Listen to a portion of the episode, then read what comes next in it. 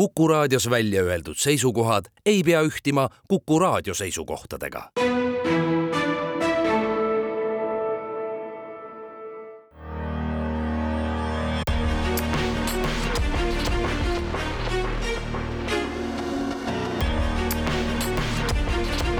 välismääraja. lugupeetud Kuku raadio kuulajad, mina olen Peeter Raudsik ja eetris on Välismääraja äsja möödunud vabariigi aastapäeva taustal alustame tänast saadet Eesti kaitsest. ent erinevalt päevauudistest tõmbame selle teema märksa laiemaks ja loodetavasti ka põhjalikumaks. millised on need allhoovused, mis tänaseid konflikte tegelikult defineerivad, kui me paneme need võbelused, mida uudistest meil iga päev vastu vaatab, kõrvale. saate lõpuosas heidame pilgu maailma kaubanduspoliitikale, sest juba järgmisel nädalal toimub Abu Dhabis Maailma Kaubandusorganisatsiooni WTO ministrite kohtumine. sisukat saatetundi.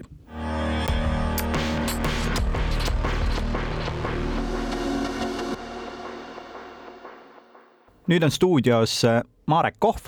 kes on erinevates rollides enam kui kakskümmend aastat tegutsenud julgeoleku ja riigikaitse alal ja alles hiljuti liitus äh, Rahvusvahelise Kaitseuuringute Keskusega, kus ta veab eest uurimisprogrammi Julgeolek ja kerksus. tere tulemast! aitäh kutsumast! alustaks kõigepealt sellest äh, uurimisprogrammist, et äh, väga lühidalt, et mida see uurimisprogramm siis tegelikult enesest kätkeb, et mida, mis on see eesmärk, mida siin me soovime tegelikult teada saada riigina, aga võib-olla ka niimoodi akadeemilisemalt mm.? et Kaitseuuringute Keskuse selline üldine eesmärk on siis äh, tegelikult äh, soodustada ja julgustada ühiskonnas siis sellist julgeoleku ja riigikaitsealast mõtlemist. et äh, laias laastus on seal kolm sellist suuremat uurimisprogrammi, on välispoliitika, on siis selline ütleme, hard security, mis on niisugune puhtalt sõjaline ja, ja NATO-ga seotud, äh, liitlaste sõjaliste võimekustega seotud. ja siis sinna vahepeale jääb äh, kõik see, mis puudutab äh, julgeolekut ja kerksust, see võiks olla teisiti öeldav, kõik see, mis on, on ka mõnes kontekstis öeldud kui hübriidsed tegevused, ehk siis väga palju sellist, mida me näeme siin Eestis, mida me peaksime siin Eestis tuvastama, aga samas selliste hübriidsete tegevuste puhul on on oluline ka see, et, et tegelikult need äh,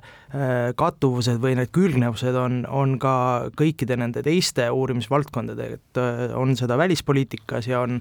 on seda ka nii-öelda sellises äh, tugevas riigikaitses aga mm, hübriidsõjast me veel täna jõuame põhjalikumalt rääkida. aga enne veel võtaks esimese teemaplokina ette korraks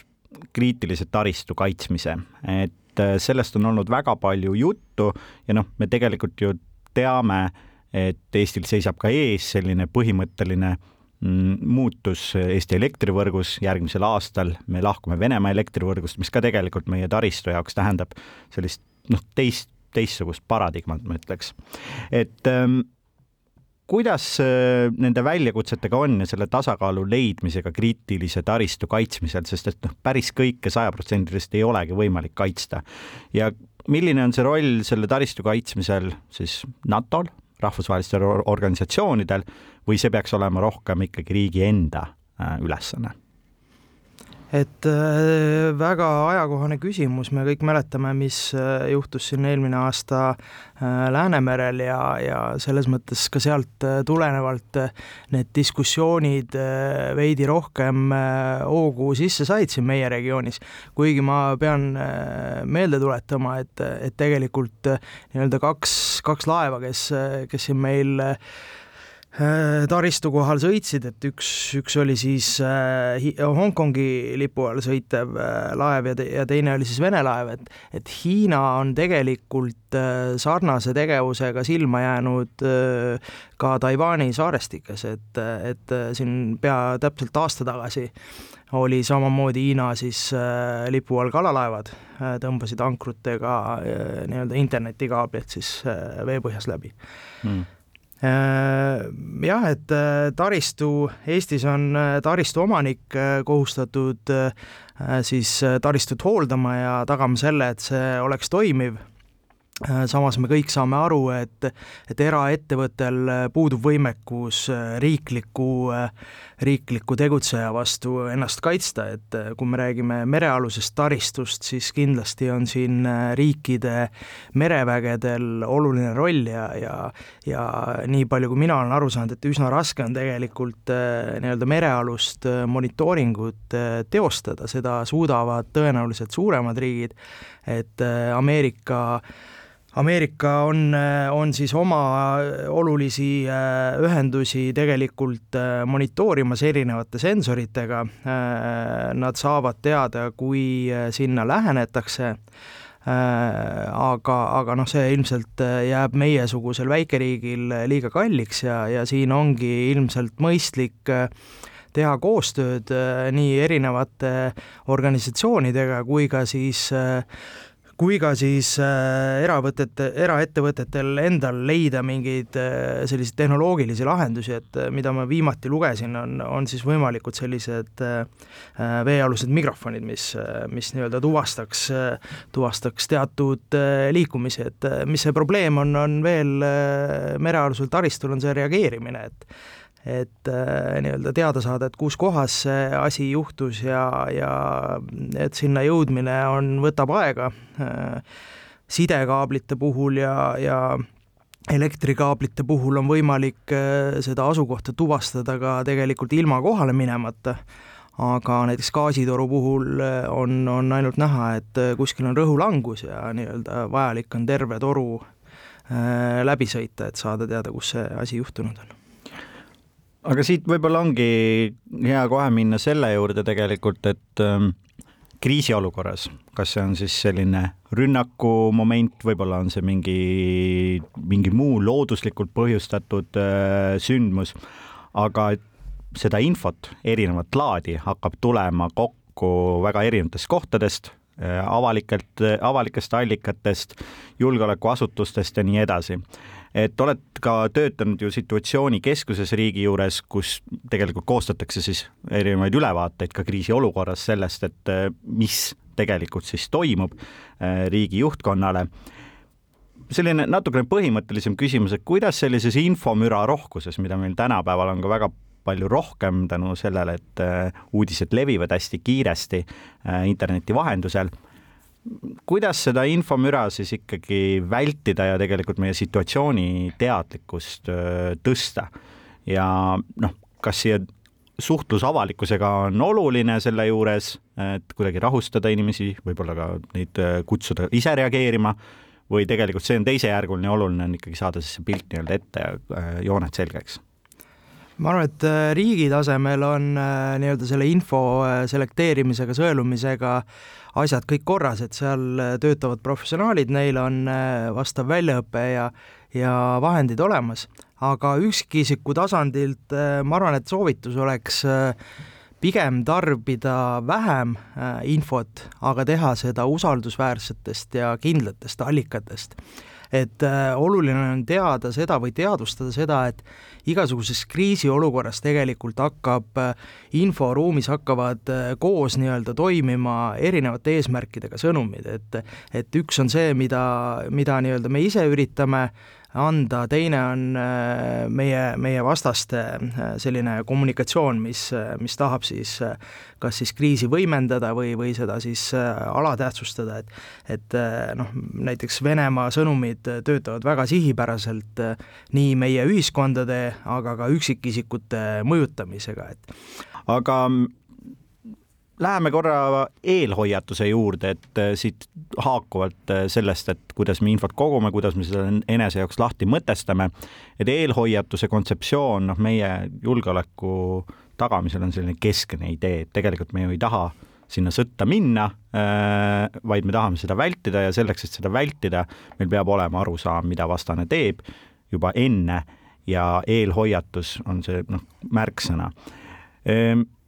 millised on need olnud Eesti jaoks need eelhoiatuse õppetunnid ja ma küsin seda kahes võtmes, et üks on Ukraina loomulikult, et kui me vaatame, kuidas Ukraina sõda eskaleerus kaks aastat tagasi ähm, Venemaa sissetungiga. ja teine tegelikult siit natukene hilisemast ajast juba Iisraeli-Hamasi sõda, mis tegelikult noh, Iisraeli jaoks justkui näiliselt tuli üllatusena, et kas ja mida seal tegelikult eelhoiatuse mõttes maha magati või kas meie siin peaksime ka mingeid järeldusi selles osas tegema? ma alustan siis äh, sellest viimasest, et, äh, et tegelikult äh, selliste üllatusrünnakute toimumine, et see ei ole mitte midagi uut ajaloos, et selliseid asju ikka juhtub, siin on erinevaid põhjuseid, ütleme siis üldisemalt uuringud näitavad, et et tavaliselt on olnud ikkagi eelnevaid märke sellest, et, et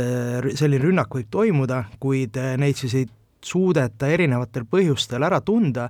et kas need äh, teated on siis äh, sellised mitmetähenduslikud või ka äh, kohati siis vastuolulised, mis siis nii-öelda takistab nende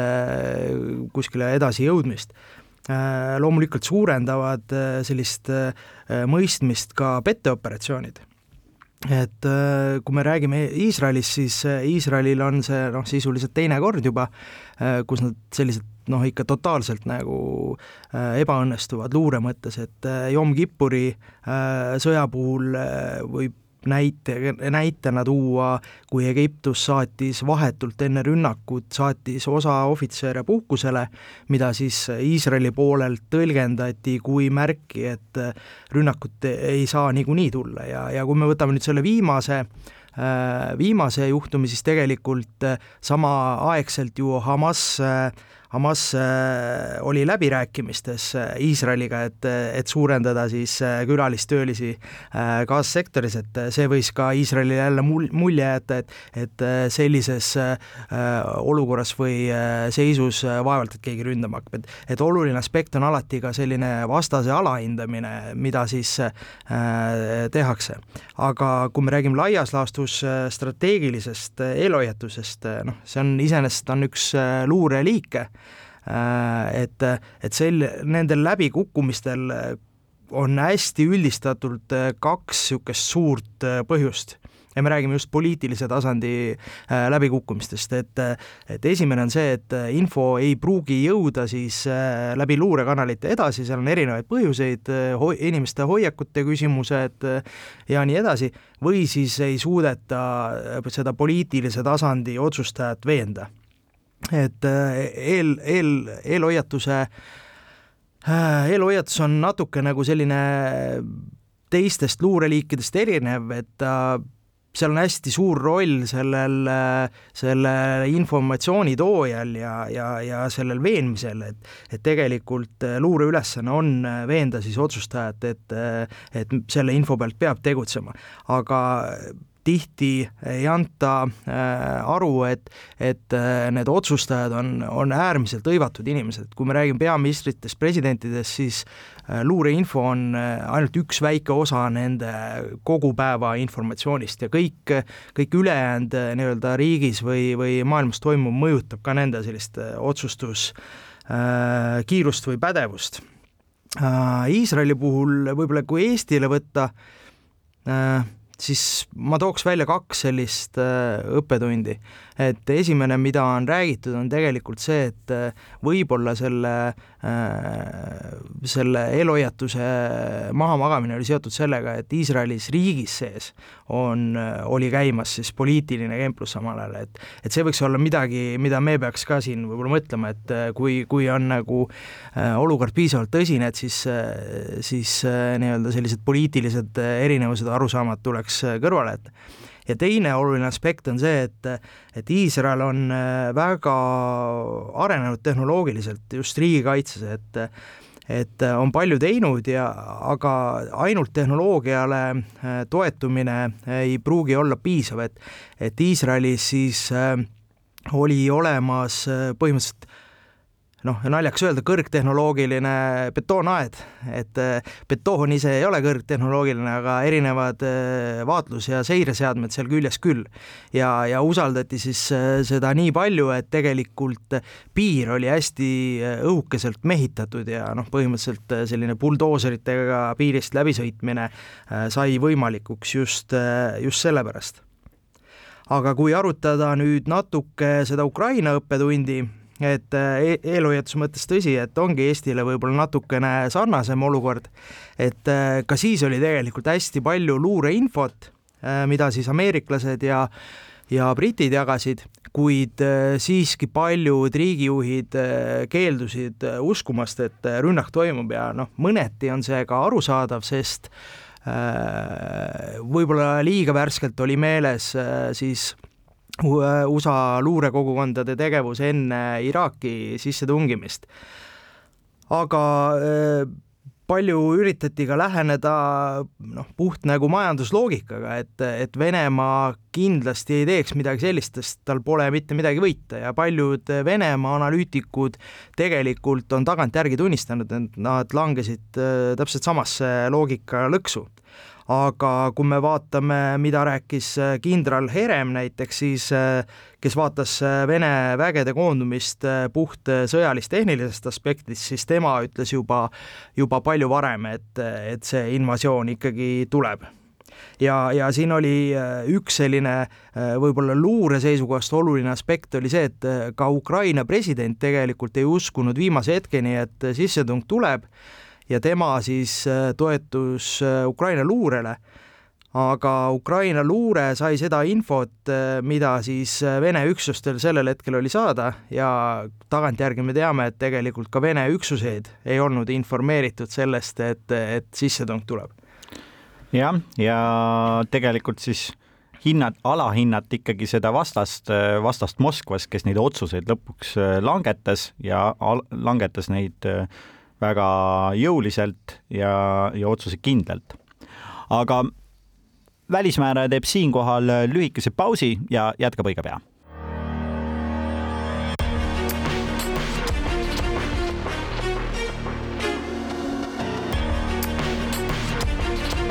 välismääraja. välismääraja jätkab, mina olen saatejuht Peeter Raudsik ja stuudios on külas Marek Kohv rahvusvahelisest kaitseuuringute keskusest. jätkame nüüd äh, hübriidsõja äh, teemadel. peegeldame natukene se seda, kuidas hübriidsõda on siis Ukraina taustal ja ka teiste konfliktide taustal muutunud terrorismivastane sõda, mm, mis tegelikult ju defineeris äh, ka Eesti Kaitseväe jaoks päris paljut, ma ütleks viimased kakskümmend aastat, osalesime erinevatel missioonidel äh, koos äh, liitlastega. terrorismivastane, see sõja taustal tegelikult jäi kõlama ju see, et Ähm,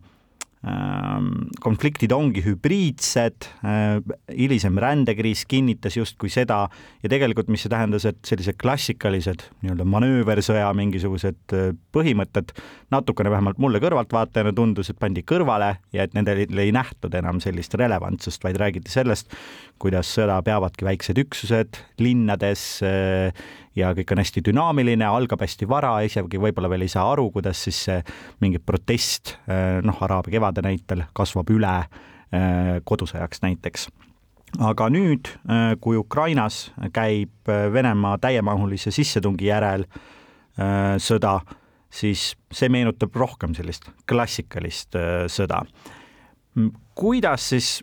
see praegu on, et kas need tulevikukonfliktid on ikkagi rohkem hübriidsed või me tegelikult, see terrorismivastane sõda oli selline üks väike peatükk, mis vajub minevikku ja me tulevikus ikkagi seisame silmitsi täpselt selliste klassikaliste suurte sõdadega, nagu täna on Ukrainas.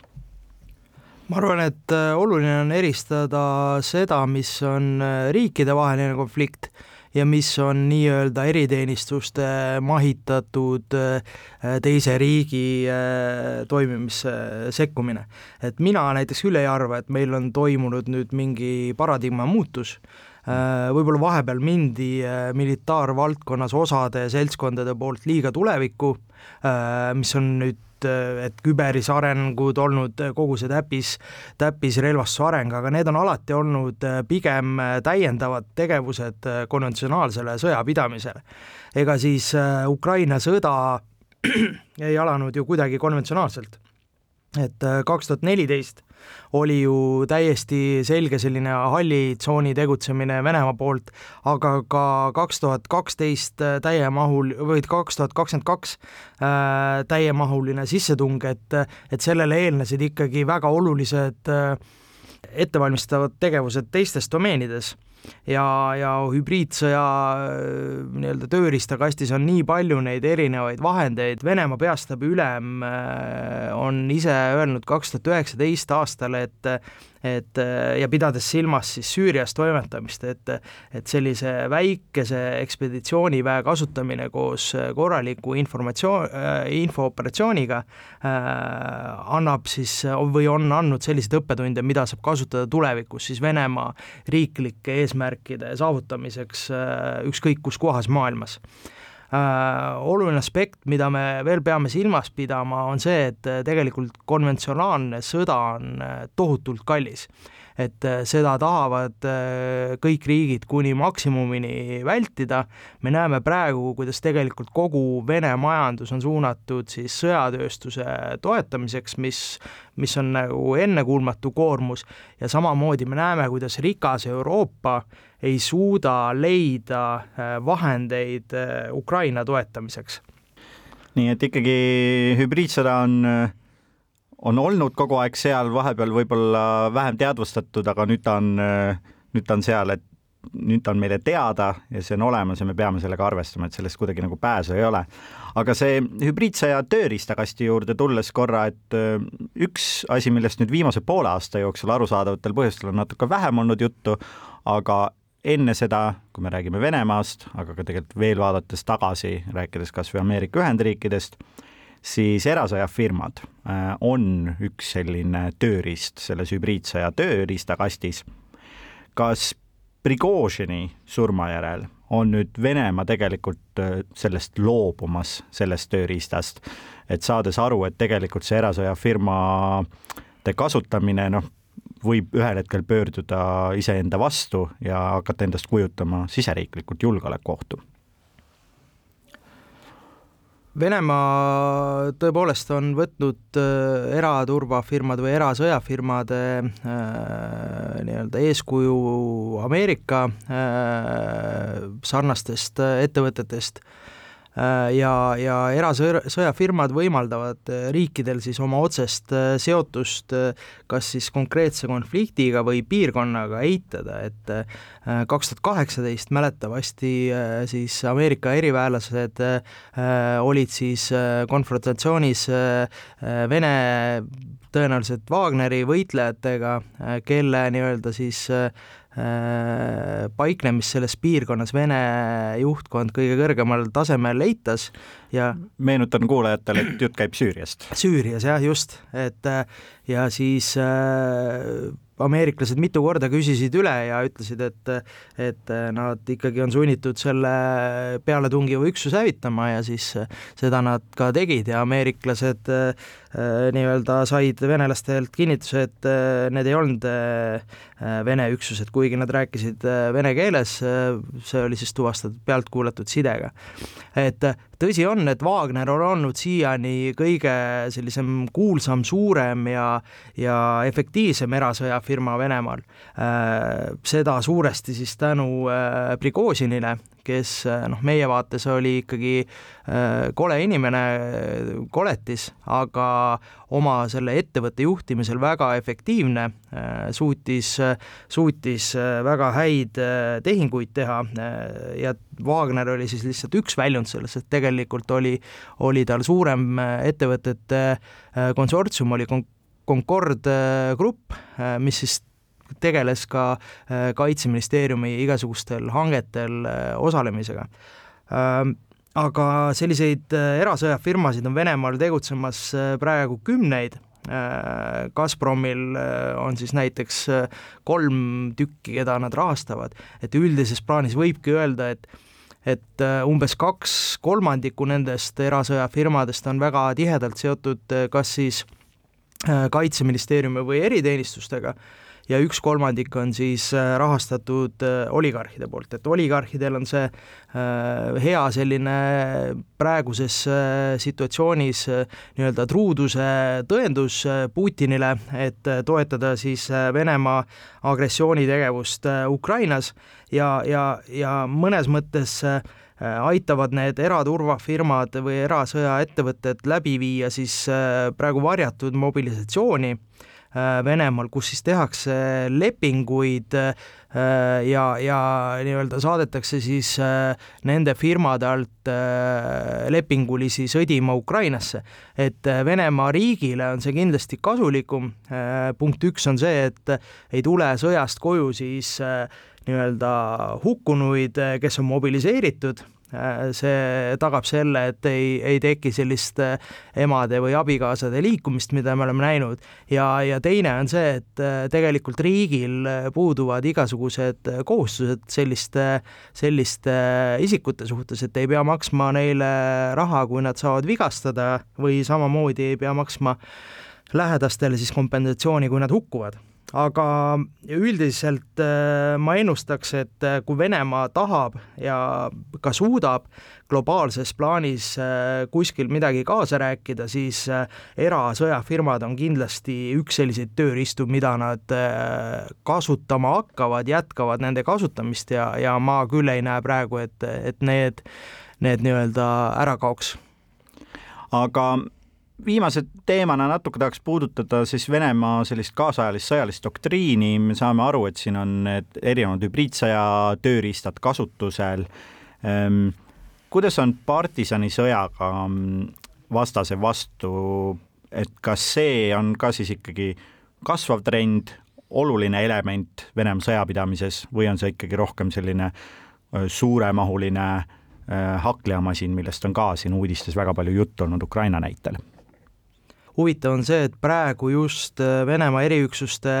kommuunis on äh, praegu tõstatatud arutelu, et kuidas peaks eriüksuseid kasutama, sest äh, Ukrainas ei ole seda siiani väga hästi tehtud ja ja, ja selles arutelus on ka just see koht, et, et tuua äh, rohkem sisse seda partisanisõja aspekti, et meenutan, et äh, viimati oli selline suurem arutelu äh, eriüksuste kasutamise osas Venemaal pärast teist Tsetseenia sõda. ja, ja siis oli täpselt samamoodi, et mõisteti, et tegelikult ei olnud tolle hetke eriüksused võimelised siis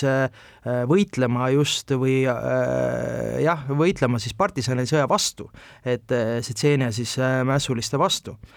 Äh, aga Venemaa armee probleem paistab olevat äh, laiemalt selles, et ei osata tegelikult äh, eriüksuseid kasutada, et eriüksused on väga, väga spetsiifiliste oskustega ja, ja selles mõttes, et, et Vene eriüksused kindlasti ei ole halva väljaõppe või tasemega, et küsimus on nagu kasutamisest ja, ja siin ma ei räägi eriüksustest, kes on, on FSB või näiteks Roskvardia juures et äh, kui me räägime Ukraina nüüd sissetungist, siis äh, Vene eriüksustel oli äh, ülesanne, et nad peavad siis toetama vallutatud territooriumitel administratsiooni. nüüd, kui see sissetung siis kohe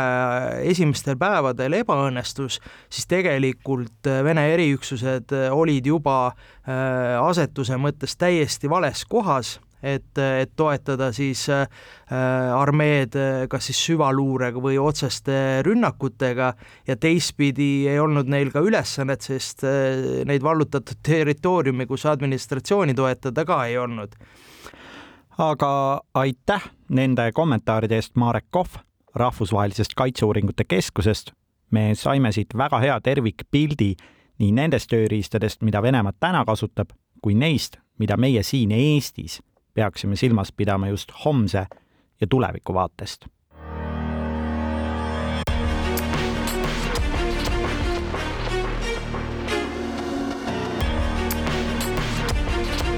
välismääraja. välismääraja jätkab, mina olen saatejuht Peeter Raudsik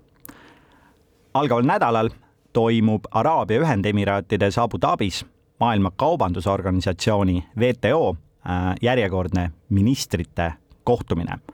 kus on siis koos liikmesriikide, kõige erinevate liikmesriikide äh, ministrid. see, et üritus toimub Abu Dhabis, on tegelikult äh, märkimisväärne, sest Araabia riigid ise on Maailma Kaubandusorganisatsioonis võrdlemisi alaesindatud. kahekümne kahest Araabia riigist vaid kolmteist kuuluvad äh, WTO-sse. ja sel korral on siis oodata ka Komori saarte äh, kui ühe Araabia liiga liikme liitumist, et märgiline kindlasti selle regiooni jaoks. aga sellest tippkohtumisest, ministrite kohtumisest Abu Dhabis räägimegi nüüd natukene põhjalikumalt ja saates on külas äh, Jüri Seilental Välisministeeriumist, väliskaubanduspoliitika osakonna peadirektor, tere! tervist! Kas see seekordne kohtumine, mis äh, nüüd kohe algab, kas see on kuidagi teistmoodi ka tulenevalt sellest, et korraldajaks on Araabia Ühendemiraadid? no eks seda saab äh, konverentsi lõppedes võib-olla täpsemalt öelda, aga kui me võrdleme eelmise korraga, mil WTO ministrite konverents toimus ikkagi lõpuks Genfis, pandeemia nii-öelda lõppfaasis oleks pidanud toimuma Kasahstanis, eh, siis võib-olla selles mõttes on erinevus, et eks eh, korraldajad eh, pingutavad selles mõttes maksimaalselt, et Genf on WTO nii-öelda kodulinn ja šveitslased korraldavad seda siis, kui ei õnnestu seda kuskil mujal korraldada, WTO konverentsideks on alati suur huvi ja konkurents aga noh, need korrad, kus mina olen osalenud ministrite konverentsil, kui nad Genfis on olnud, on nad võib-olla mõneti olnud rahulikumad, et seda võõrustajamaa survet võib-olla pole nii palju olnud, aga saame näha tagantjärele. aga teiselt poolt su sissejuhatuse peale ütleks veel nii palju, et noh, kõik siiamaani ju räägivad Doha ministrite konverentsist, sest seal kokku lepitud arenguvoor on ju endiselt nii-öelda avatud, ehk et ei ole veel tulemusteni jõudnud, nii et saame näha, kas Abu Dhabi mingit selle suurusega üllatust toodab, arvan, et mitte, aga, aga eks ta põnev saab olema aga läheme nüüd WTO kui organisatsiooni juurde, et see on ikkagi noh, äh, üks selline formaat, äh, kus ka riigid, kes tavaliselt võib-olla ei suhtle omavahel või lävivad väga vähe, äh, istuvad ühe laua taga ja peavad koos otsuseid tegema selleks, et siis tegelikult maailma kaubandust reguleerida ja muuta ka sujuvamaks. et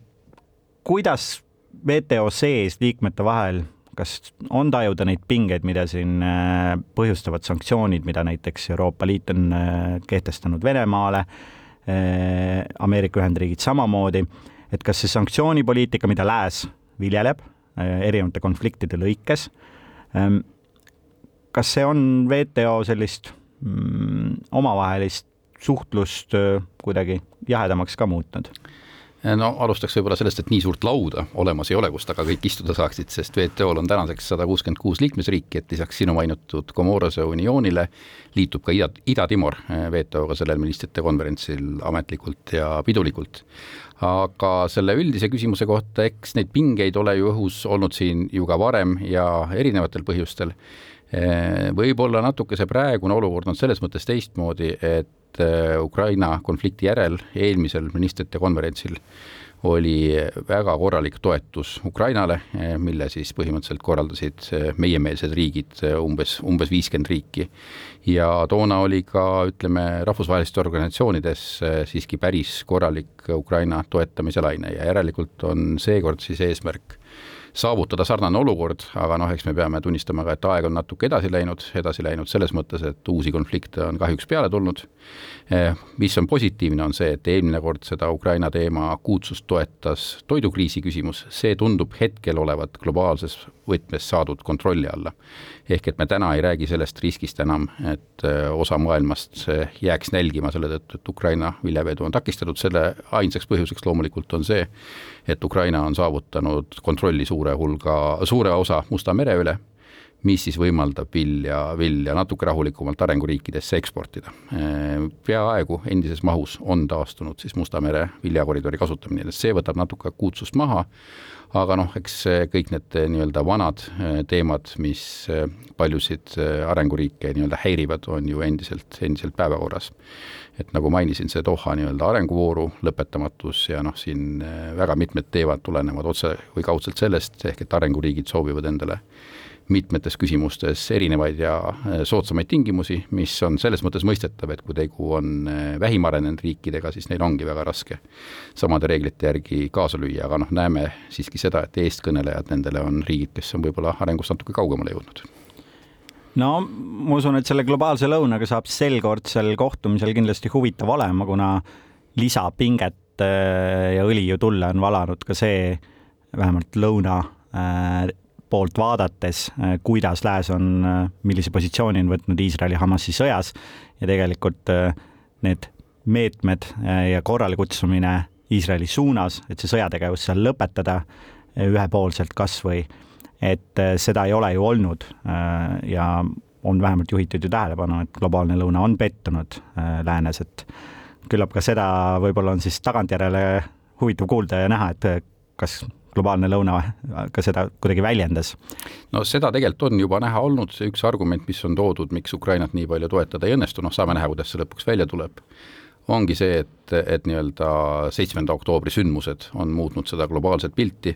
aga noh, meie poole nii-öelda vastuargument on täiesti selgelt see, et et seitsmenda oktoobri sündmused ei ole äh, tuumariigi julgeolekunõukogu alalise liikmesriigi kallale minek oma vahetule naabrile koos sõnastatud eesmärgiga selle naa-, naabririiklus hävitada. Et siiski on olud meie meelest täiesti erinevad, aga selles mõttes on see tõsi, et üks keerukamaid läbirääkimispartnereid WTO kontekstis on Lõuna-Aafrika Vabariik, kes küll äh, alati selleks nii-öelda päris viimaseks vastuseisjaks pole jäänud, aga nagu me teame täiesti teistest foorumitest, et äh, rahvusvahelises kohtus on Lõuna-Aafrika Vabariik algatanud Iisraeli vastase hagi, mis praegu suhteliselt suure meediakära äh, saatel nii-öelda toimub, on jõudnud esimeste esialgsete otsusteni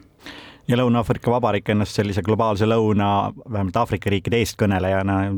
ju näeb. jah, täpselt nii, et WTO-s, kui me vaatame, et kellega on võib-olla Euroopa Liidul äh, kõige keerulisem arenguriikidest olnud läbi rääkida, siis äh,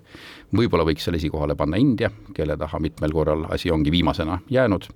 saame näha, kuidas seekord läheb Indiaga, sest Indial on kohe-kohe valimised tulemas, nii et äh, selge on see, et äh, India minister peab äh, balansseerima India kaubandushuvisid ja oma erakonna sisepoliitilisi huvisid, mis võib tuua väga, väga huvitavaid arenguid. Ja noh, siis Lõuna-Aafrikast oli jutt, aga et lisaks võib-olla ka ka Brasiilia siia ritta, kellega on keeruline olnud, et näiteks WTO kontekstis Hiina tundub olevat koostööaltim, mis on selles mõttes ka täiesti mõistetav, et Hiina nii-öelda positiivne sõltuvus toimivast maailmakaubandusest on ka tohutu meenutan siinkohal kuulajatele, et umbes kuuke tagasi saigi BRICS-i riikide laienemisest räägitud ja kõik need riigid ka seda BRICS-i, kuhu siis Brasiilia, äh, Lõuna-Aafrika Vabariik, äh, India kuuluvad lisaks siis Hiinale, Venemaale ja nüüd äh, veel uutele liikmetele. et seal on teatav selline kaalukausside kujunemine nagu näha. aga millist rolli tegelikult täna siis Hiina WTO-s mängib kui üks kõige olulisem maailma majandus üleüldse? No Hiina, nagu ma siin viitasin, on selgelt huvitatud süsteemi toimivusest ja saab väga hästi aru, et kui ta ise peaks pingutama üle Eh, nii-öelda ühepoolsete meetmetega, mis ei vasta WTO reeglitele, siis see võimaldaks teistel eh, täpselt samasuguseid meetmeid Hiina vastu võtta. et selle tõttu on Hiina, ütleme, võrreldes oma käitumisega võib-olla muudes foorumites võtnud selgelt palju rahulikuma ja konstruktiivsema rolli, mida on ka väga mugav võtta, sest et tema huve tegelikult suurel määral esindavad need nii-öelda sõnakamad ja radikaalsemad eh, globaalse, globaalset lõunat esindavad, esindavad riigid, kellel on pikk, pikk loetelu rahulolematustest, noh, võib-olla üks teema, mis tundub, et on kadumas, aga see on kõik see, mis seostub eh, globaalse pandeemialeppega ja sellega, et kuidas võiks toimuda ligipääs siis eh, vaktsiinide tootmise eh, tehnoloogiale ja oskusteabele. ehk siis intellektuaalomandile, mis oli eelmise ministeriaali ajal veel väga, väga akuutne teema aga võtame siia kõrvale kohe ka Venemaa, kes samamoodi on ju pikalt WTO liige olnud. ei ole, Venemaa on suhteliselt uus WTO liige, mäletame ju, et kui mu mälu nüüd alt ei vea, liitus alles aastal kaks tuhat kolmteist WTO-ga, nii et WTO mõistes on ta ikkagi üks hiljutisi liitujaid, see, selleks, aga Venemaa äh, osakaal maailma kaubandusest on, on siiski suhteliselt väike, äh, paari protsendi ringis, nii et ta ei ole nagu Hiinaga võrreldav suurus ja jõud ja näiteks eelmist, eelmisel ministrite kohtumisel Vene delegatsioon käitus nii viisakalt kui võimalik, ehk nii-öelda üritas jätta muljet, et siin meie pärast küll ei ole vaja muretseda, ärge teie meie pärast ka muretsege. Nüüd on toimunud ka muudes äh, organisatsioonides, aga ka WTO-s siiski oluline muudatus, näiteks eelmise aasta lõpus hoidis Venemaa täiesti arusaamatutel põhjustel üle nädala kinni WTO kahe aasta eelarve kinnitamist ja nii arusaamatu, kui see nende äh, nii-öelda protest selle vastu oli, oli ka see hetk, kus nad siis oma protesti nii-öelda tagasi võtsid, et tundus nagu selline pigem jõu näitamise demonstratsioonina. Ja noh, eks Genfist ole ka kuulda, et väidetavalt on venelased olnud tihedas kontaktis praeguse peadirektoriga ja ilmselt esitanud äh, suhteliselt intensiivses vormis oma nõudmisi ja nägemusi, nii et saame näha, kuidas sel korral Venemaa käitub. aga Euroopa Liidu poliitika on Venemaaga otse mitte suhelda, nii et ma loodan, et me suudame sellest ka sellel konverentsil kinni hoida ja samal ajal avaldada nii palju kui võimalik toetust Ukrainale nii et ühispilti WTO liikmetega ja Vene delegatsiooniga siis oodata ei ole? Äh, ma ei oska öelda, ma ei mäleta varasemastest ministeriaalidest, et tervikuna äh, oleks nii-öelda korraldatud ühispilti tehtud, et äh, saalipilte muidugi on tehtud ja saalis Venemaa kahtlemata on. küll tehti eelmine kord ühispilt Ukraina toetusüritusest, aga seal tõepoolest Venemaad kohal ei olnud, nii et loodame, et seekord ei juhtu ka sellist pilti, kus, kus siis oleks peal ka, peal ka Venemaa see kohtumine toimub tegelikult riigis, mis on Venemaa suhtes olnud väga sõbralik, kutsunud äh, Vene esindajaid ju relvamessidele ja nii edasi, et selle Araabia Ühendemiraatide Venemaa niisugune erisuhe on kestnud vaatamata sellele, et Lääs äh, on püüdnud seda heidutada, tagasi kutsuda, tähelepanu juhtida, et see ei ole tänases olukorras mõistlik. Ja meil on siis see globaalse lõuna pinge ka, millest me siin rääkisime, et tegelikult noh, ütleme pinnas on Venemaa jaoks üsna soodne no Venemaal on globaalsel areenil tegutsemiseks mitmeid nii-öelda positiivseid eeldusi, et üks on võib-olla see minevikust tulenev, et, et väga paljud siiski täna paljudes arenguriikides juhtivatel kohtadel olnud inimesed, kui nende elulugusid vaadata, siis selgub, et oma elu parimad ehk ülikooliaastad on nad veetnud mõnes endise Nõukogude Liidu ülikoolis, kas Moskvas või siis mõnel juhul isegi Kiievis, aga see, mulle on jäänud mulje, ei, ei vähenda nende nii-öelda vaimustust tänasest Venemaast kui, kui sellisest. et see annab Venemaale kindlasti eelise eks eh, nii-öelda pikaajalised eh, suhted, kaasa arvatud relvatarned, on mõnel juhul olnud väga oluliseks sidemete tekitajaks, et Venemaal siiski me peame ausalt tunnistama, arenguriikides on, on päris korralikult nii-öelda investeeritud eh, sõprussuhetesse ja, ja oskust seda siis ka tagasi kasseerida nii, ütleme siis positiivse kui negatiivse võtete arsenaliga. Aga kui me läheme nüüd korraks teemade juurde, mis siis äh, WTO äh, sellel suurel mõttelisel laual on äh, nende üle saja kuuekümne riigi ees, siis nagu ka varem ja ka sel korral on jätkusuutlik areng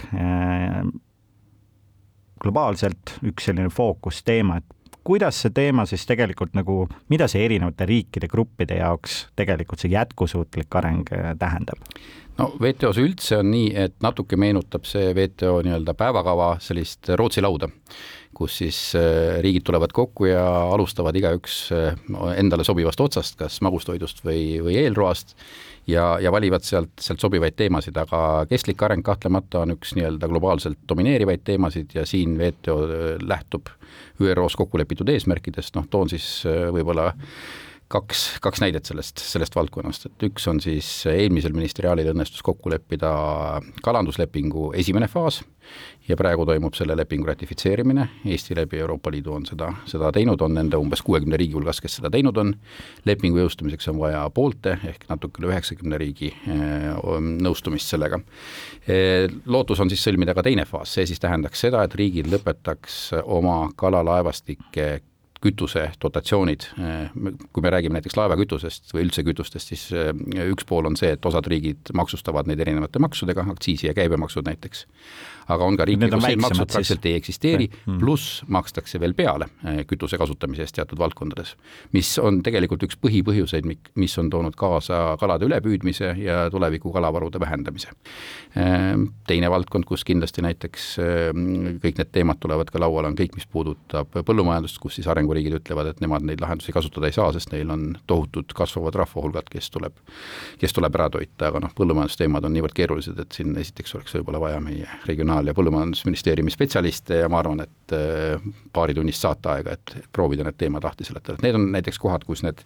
kus need teemad tulevad väga, väga otse sisse, aga, aga no ütleme, kaudselt võiks ju ka öelda, et äh, näiteks üks meie olulisi, meile, Eestile prioriteetne teema e, e-kaubanduse moratooriumi pikendamine on mõnes mõttes ka siiski keskkonnaga seotud, et kui sul õnnestub leida säästlikke e-lahendusi ja me väidame, et Eesti on suuteline selliseid lahendusi ka eksportima, siis see on ka üks võimalus nii-öelda keskkonda säästlikumalt majandust kasvatada. aga kuulajale taustaks, et äh, mistõttu see e e-lahenduste siis äh, või nendega edasiliikumine tegelikult, miks see üldse siis seisma pandi? no äh, e-kaubanduse moratooriumit on järjest pikendatud iga ministeriaali vahelise aja ja tänaseks me oleme jõudnud olukorda, kus arenguriigid ütlevad, et eelmine kord oli ju viimane kord eh, ja eh, meiesugused riigid sooviksid selle alalist pikendamist.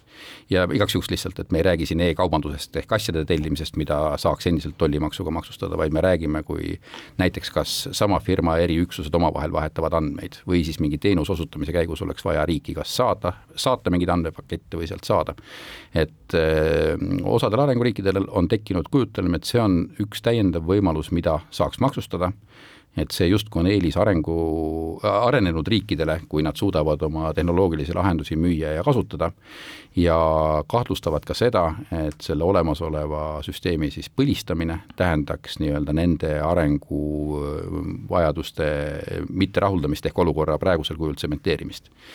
ja tegelikult just on nendes samadest arenevatest riikidest, Aafrika riikidest sealjuures on ju räägitud kui ühest potentsiaalsest turust äh, meie, meie ettevõtetele. ta isegi mitte ainult potentsiaalne, vaid on ju küll ja küll Eesti IT-firmasid, kes juba täna sinna müüvad. ja ikkagi üldise nägemuse järgi kaubanduses tervikuna on see, et see on õnneks üks valdkond, kus, kus nii-öelda lahendused on siis mõlemale poolele kasulikud, ehk siis see slängi, ingliskeelse slängi väljendusega win-win lahendused, et siin ei ole see, et kui me piiri tõmbame siiapoole, siis sina jääd maast ilma ja kui teisele poole, siis mina jään maast ilma. et nii-öelda kasvav majandus tõstab, tõstab kõigi paate aga aitäh nende kommentaaride eest, Jüri Seilental, Välisministeeriumi väliskaubanduspoliitika osakonna peadirektor. aitäh!